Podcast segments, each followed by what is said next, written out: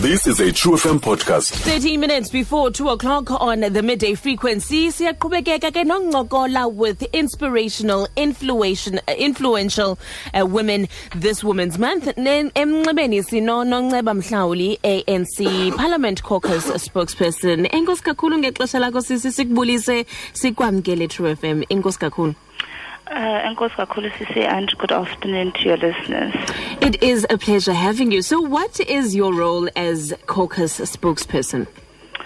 Oh, um, my role as caucus spokesperson really is to um, represent the views of the ANC Parliamentary Caucus um, in terms of communicating its decisions, keeping the public up to date um, on the work of the ANC in Parliament, uh, speaking on behalf of caucus on any issues that need to be communicated to the public, speaking on behalf of the Chief Whip, who Comrade Jackson Mthembu, um, and really just um, study groups the ANC, study group K, it's the ANC component of a portfolio committee. So anything that is ANC related to umsebenzi wethu apha in Parliament, I am responsible for communicating to the people of South Africa. All right. So, how did you work up the ranks in student politics? You know, student politics very fiery, emotionally charged. Abantu abantsha have got revolutionary ideas. Bafuna ukulwela amalungelo abo. Kuloo environment kodwa wakwazi into yobana ubonakale ugqame kwezo nginginya zabantu nabantwana besikolo how did you do that Um, so it started Dunfunde Rhodes at Rhodes University, um, and it really started in the. I was in high school, so generally I come from a very you know political family, and Kumbula when I was um, going to Rhodes with my uncle. Xa sifike Rhodes and he was like into yokuqala oyenzayo ke xa ufika apha is that you must join sasco and i was like intoni sasco and he was like it's a student south african student congress.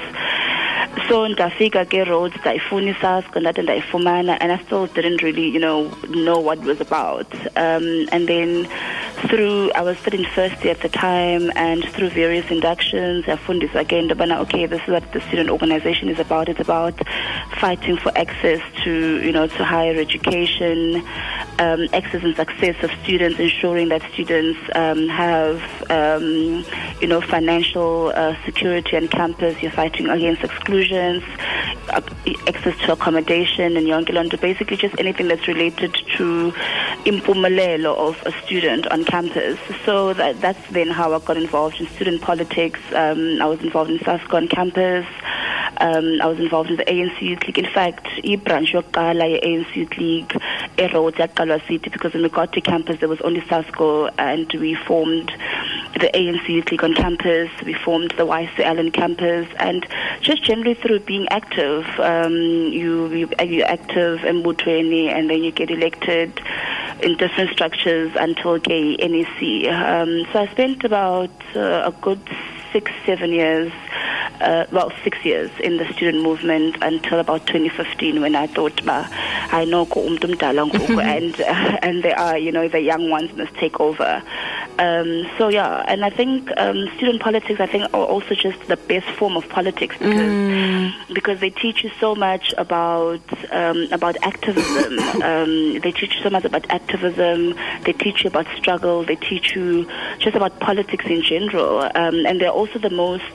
I also think that student politics are the most purest form of politics because akho you're not doing it because kukho into ofuna uyivuza. There's nothing that you can get outside of spending imali abazali whereby you get sent imali for like ukutya and then you end up spending it on you know on, on student politics. So so I really think that student politics are the mm, purest form of activism that you really can find. All right.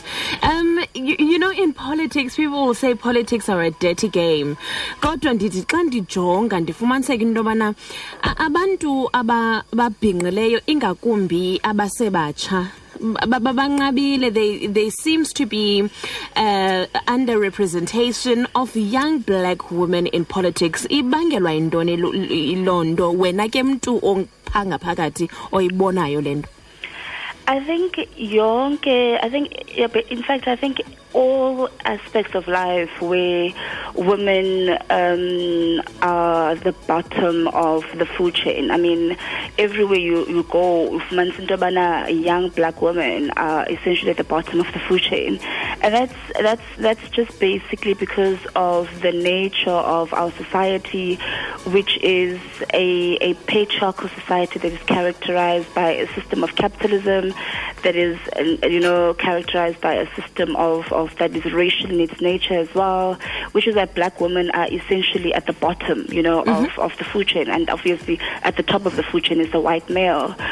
Um, so that's that's the basis of why there are you know, a, a, shortage of, of young black women that are involved um, in politics.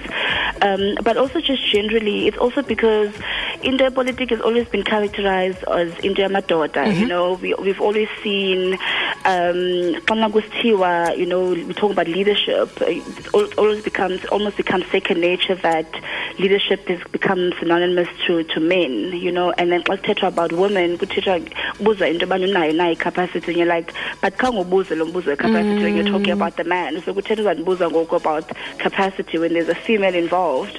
But it's just the nature of patriarchy in its sense. Um, so I think that's really why there is that shortage, not just in politics, but in the economy, you know, in, in, in various aspects of, of, of, of our society. All right. So can you name some strong women that have influenced you in your life?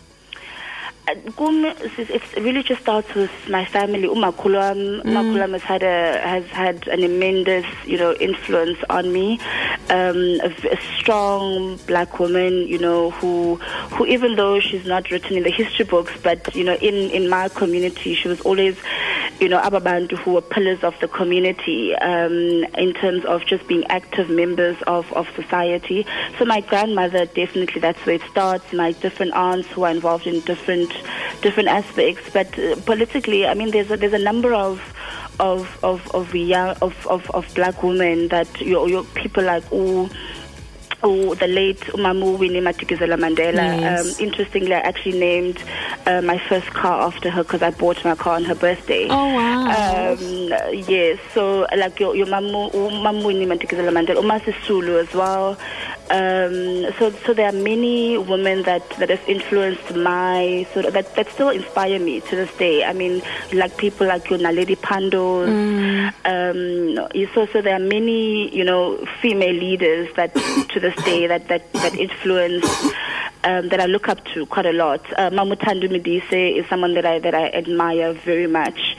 Um, so, so, so those are the women that I can say that really have inspired me um in my life.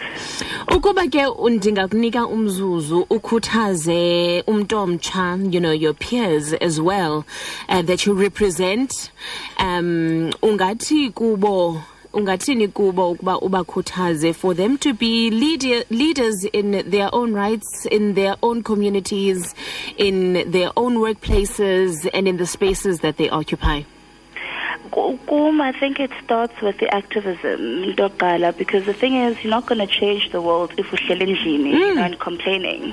Um, and if we want to change the status quo, we need to be active, uh, we need to be involved, and we need to take charge. Um, and you're only going to be able to take charge and take over the reins because nowhere in society has change come through it power being handed over to the next generation. Uh, power is never handed over, you know, to the next generation on a silver platter. It's taken. Um, and as Ulucha, because we, as, as much as we need to look up to Abandabadala, but we also need to challenge them.